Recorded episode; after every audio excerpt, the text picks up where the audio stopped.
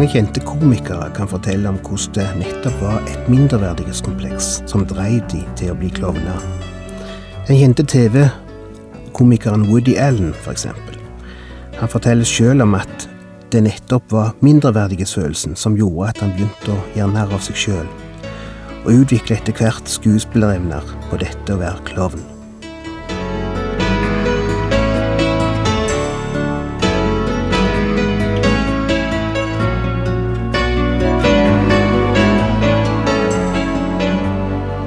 Hjertelig velkommen til et nytt program i serien Vindu mot livet. Vindu mot livet er basert på programserien Insight for Living ved Chuck Svindal. Programmet er produsert av Kristen Riksradio og blir ledet av Ola Joland.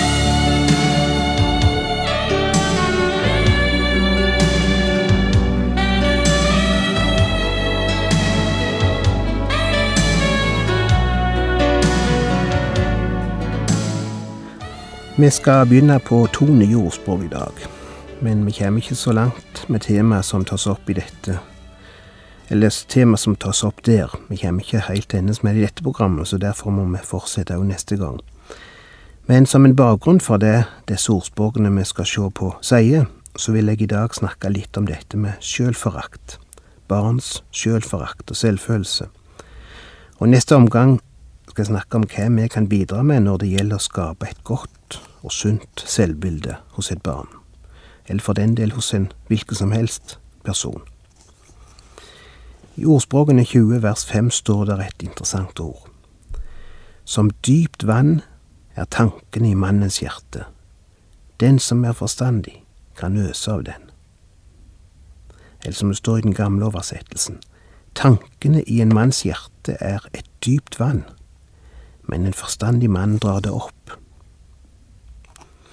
Ett ord til for kapittel 27, vers 19 i ordspråkene.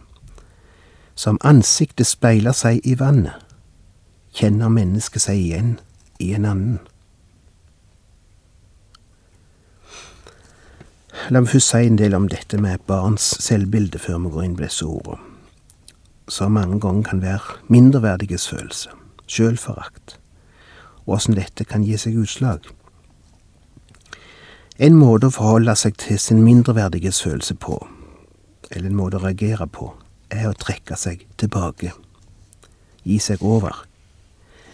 Den som reagerer med å gi opp, gi seg over, er den som er kommet til den konklusjonen i sitt eget sinn at jeg er underlegen, jeg er mislukka, folk har rett om meg, jeg er et feilgrep. Og han prøver å finne måter å gjemme seg på. Trekker seg inn i sitt eget skall av ensomhet for å ikke bli ytterligere såra eller skadd i sin selvfølelse. Han tar ikke noen sjanser. Han tar aldri initiativ til noen samtale, tar aldri ord i ei gruppe. Han melder seg aldri på til noen konkurranse. Han stiller aldri opp i noe valg. Han setter et gjerde rundt seg og heller seg bak dette gjerdet i hvert eneste klasserom på hver eneste skole tror jeg det finnes noen slike. År etter år sitter de på pulten sin i taushet og ser ned. Av de andre i klassen blir de oppfattet som skye og stille. Noen ganger blir de faktisk oppfattet som snobbete og høye på pæra fordi de ikke blander seg med de andre. Tenk deg et barn som er nedtynga av mindreverdighetsfølelse, og så blir beskyldt for å være høy på pæra eller fordi han er en person som sjelden snakker, blir det gjerne antatt at han er en slik som òg tenker lite. Og så er det jo det motsatte som er ofte er tilfellet. Hodet er fullt av tanker og følelser, som surrer seint og tidlig. Men han har lært at det sikreste forsvar for han er å holde munnen lukka. Og disse menneskene er i en spesielt farlig situasjon nettopp fordi de ikke legger merke til det. Og foreldre står i fare for å ikke legge merke til dem. Og det er det problemet de sliter med. Han er ikke til plage eller bry for noen. Han er snill og pliktoppfyllende på skolen, og unngår konflikter med klassekameratene. Derfor legger ingen merke til, eller kommer på, at han sliter med selvdestruktive følelser inni seg, som kan være mye alvorligere enn vi er klar over. Og dette vil ofte vokse og utvikle seg etter hvert som man blir større og voksen. Kan gi seg mange utslag.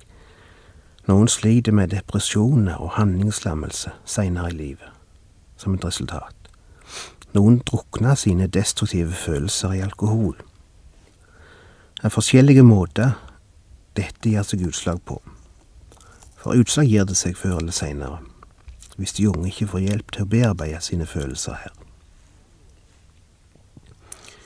En annen måte å kompensere for sin mindreverdige følelse på, er å kjempe og slåss og bråke og være aggressiv.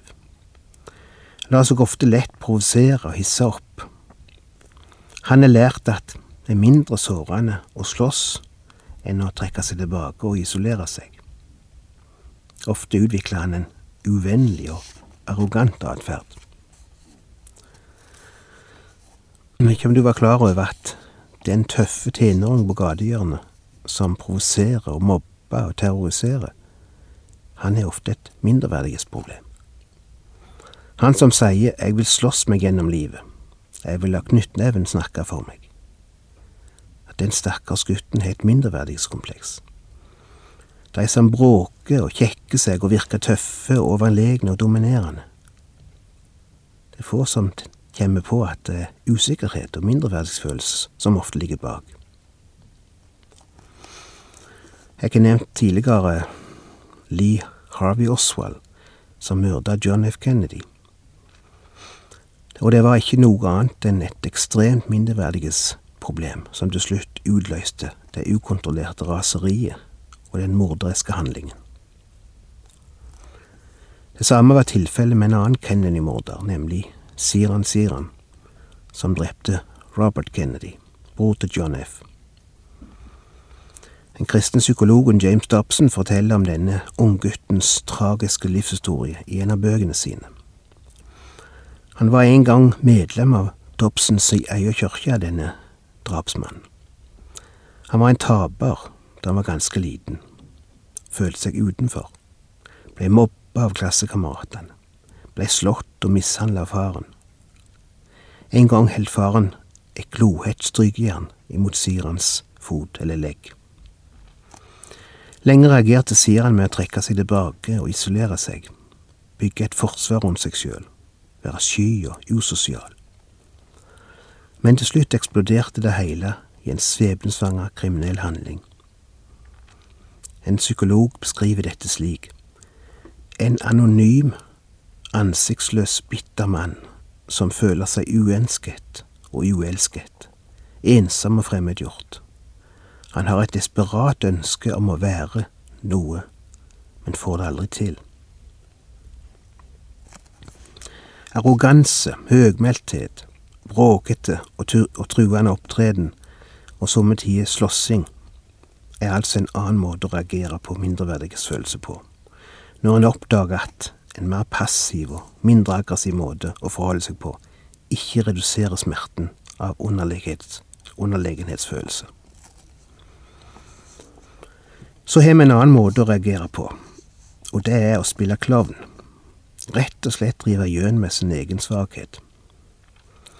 Å skjemte med sine sår, heter det i et gammelt ordtak eller en formulering. Og det er vel noe av det samme som ligger i dette. Det kan være en som har en iøynefallende fys, et iøynefallende fysisk handikap, eksempel, eller kanskje ikke handikap, men rett og slett en eller annen skavank som gjør at han blir mobba. Han har en uvanlig stor nese, eksempel.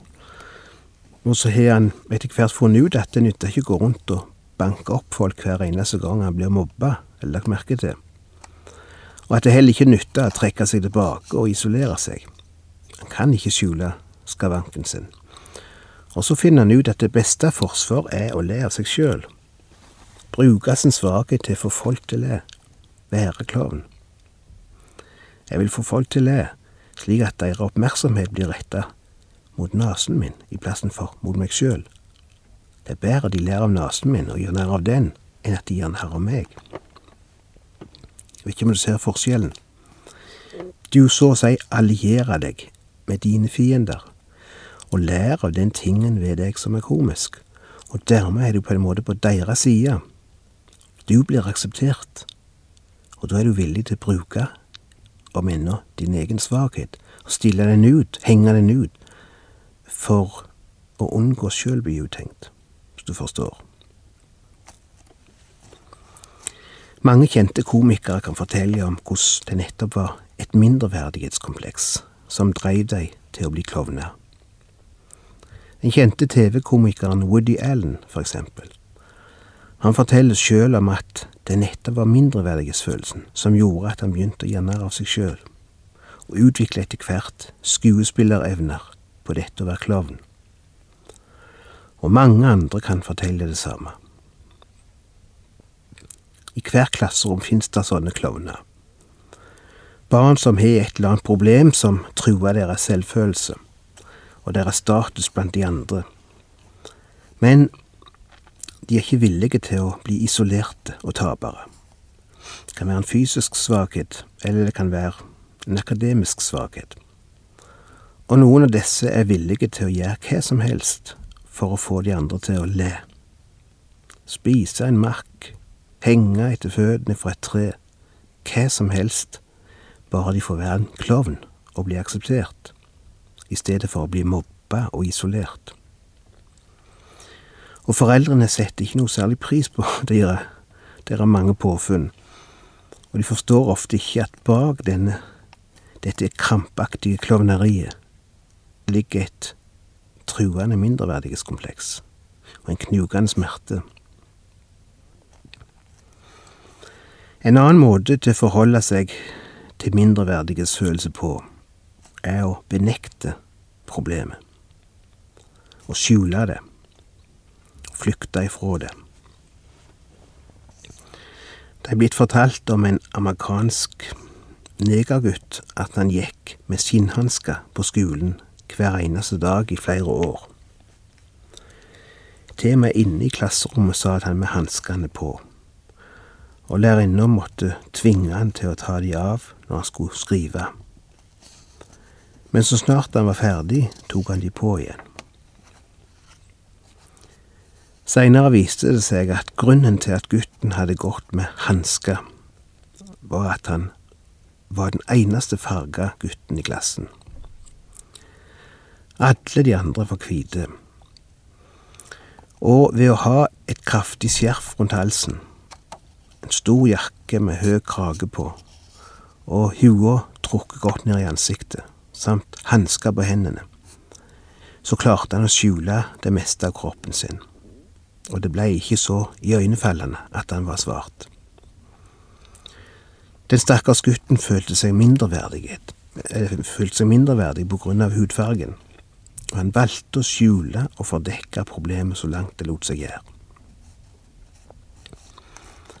Det er mange andre måter å fornekte virkeligheten på. Mye av alkoholismen, eksempel, er et utslag av mindreverdighetsfølelse. Er du klar over det? Selvsagt kan det være mange andre årsaker òg, men veldig mange mennesker drukner sin smerte og sin mindreverdighetsfølelse nettopp i alkohol. Så er det en annen måte til å forholde seg til problemet på, og det er å prøve å bli så lik de andre som mulig. Å bli en del av massen. Prøve å ikke skille seg ut. En ofrer gjerne sin personlige overbevisning for å bli godtatt av gruppa, bli likt, bli populær. For mange tenåringer, for eksempel, er det viktigheten av å bli akseptert, å være lik de andre, som dikterer det meste av det de foretar seg. Og for mange av oss, oss som er blitt eldre òg, eh, foreldregenerasjonen altså, så er vi like mye styrt av, styrt av gruppepresset. Av naboer og moter og skikker som de yngre er. Det har jeg vært inne på tidligere i flere program, så jeg skal ikke, ikke si så mye om det nå. Men for mange som sliter med mindreverdighetsfølelse, er nettopp det å bli akseptert og godtatt av gjengen, av flertallet, sjølve drivkraften i alt en foretar seg og det er en grusom tyrann. En er villig til å gå på akkord med nesten hva som helst, bare en blir konform med de andre, bare en slipper å skille seg ut. Folk er livredde for å skille seg ut. Livredde for hva andre mennesker tenker og sier om en. Vi skal se på enda en annen måte å forholde seg til dette problemet på. Dette med mindreverdighetsfølelse. Og det er det vi gjerne kaller å kompensere. Det vil si å finne fram til andre sider ved seg sjøl.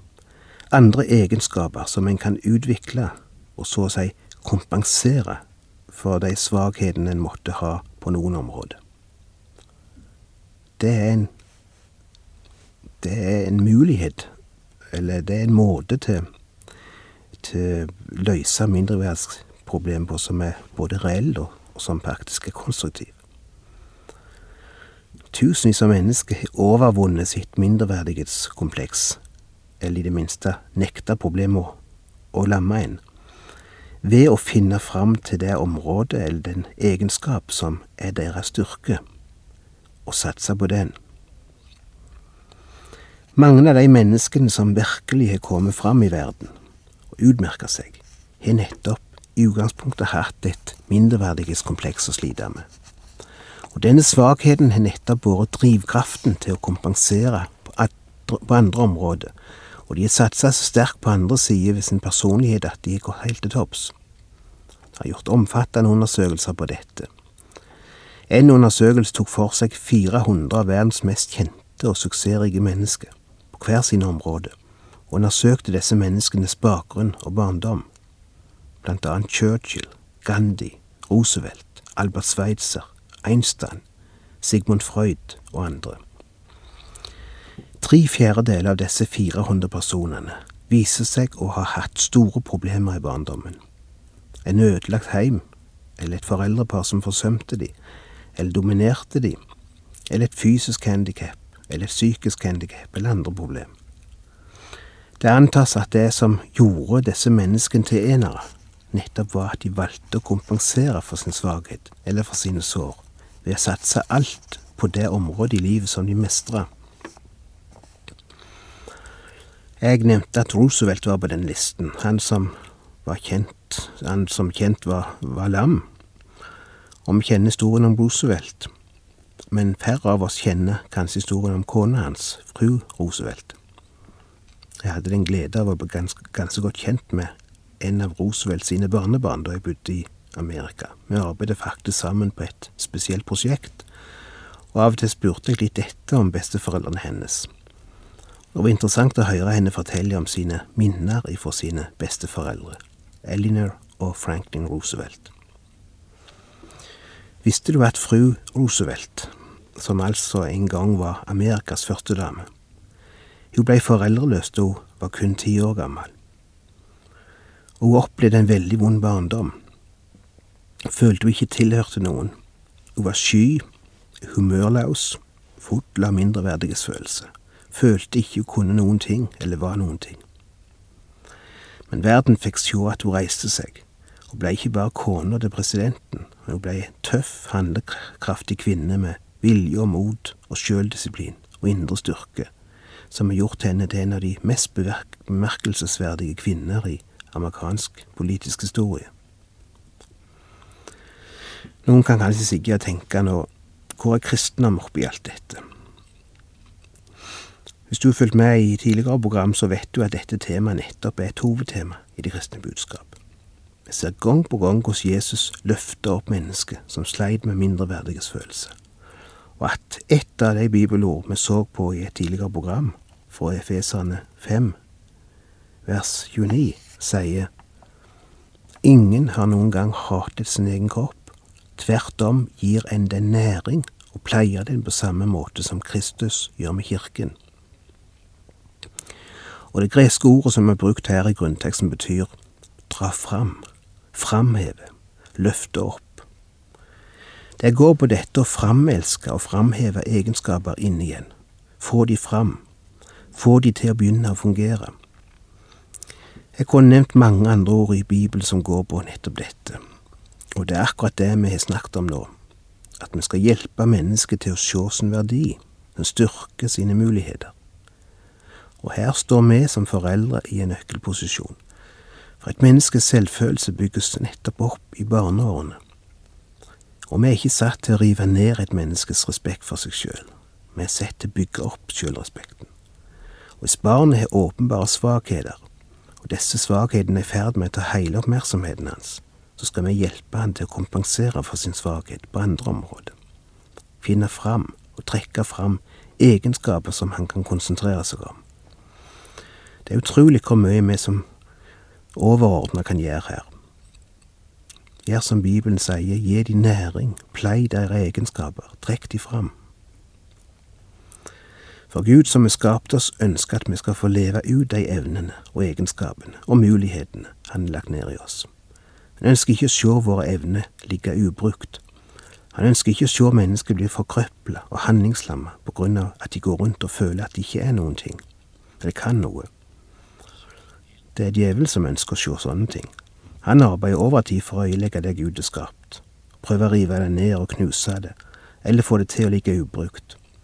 Han ønsker å se at menneskene gir opp. Han ønsker å se at menneskene mister motet. Han ønsker å se mennesker hate seg sjøl, for dermed hater de noe Gud har lagd. Dermed vanærer de Gud. Og han er klart å øyelegge tusener av mennesker på den måten. Derfor skal vi være klar over at når vi kjemper mot sjølforakt og mindreverdighetsfølelse, når vi kjemper for å reise mennesker opp, så er det Guds kamp vi kjemper. Og hvis noen har fått det inntrykket at Bibelen lærer at vi skal forakte oss sjøl, så er det en fryktelig misforståelse. At vi skal se våre svakheter, ja, og at vi skal se vår synd, slik at vi kan bekjenne og gjøre opp og få tilgivelse, ja, men det er noe helt annet enn sjølforakt. For hvis du forakter deg sjøl, så forakter du noe Gud har lagd.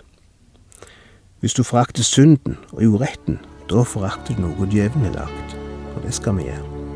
Men vi skal ikke la djevelen få snu dette på hodet, slik at vi ser ned på det Gud har gjort eller gitt oss.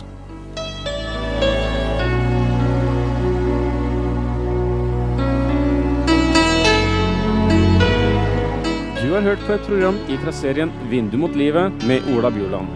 Dette programmet kan du også høre på våre nettsider p7.no. Har du spørsmål eller kommentarer til det du nå har hørt, kan du ta kontakt med oss.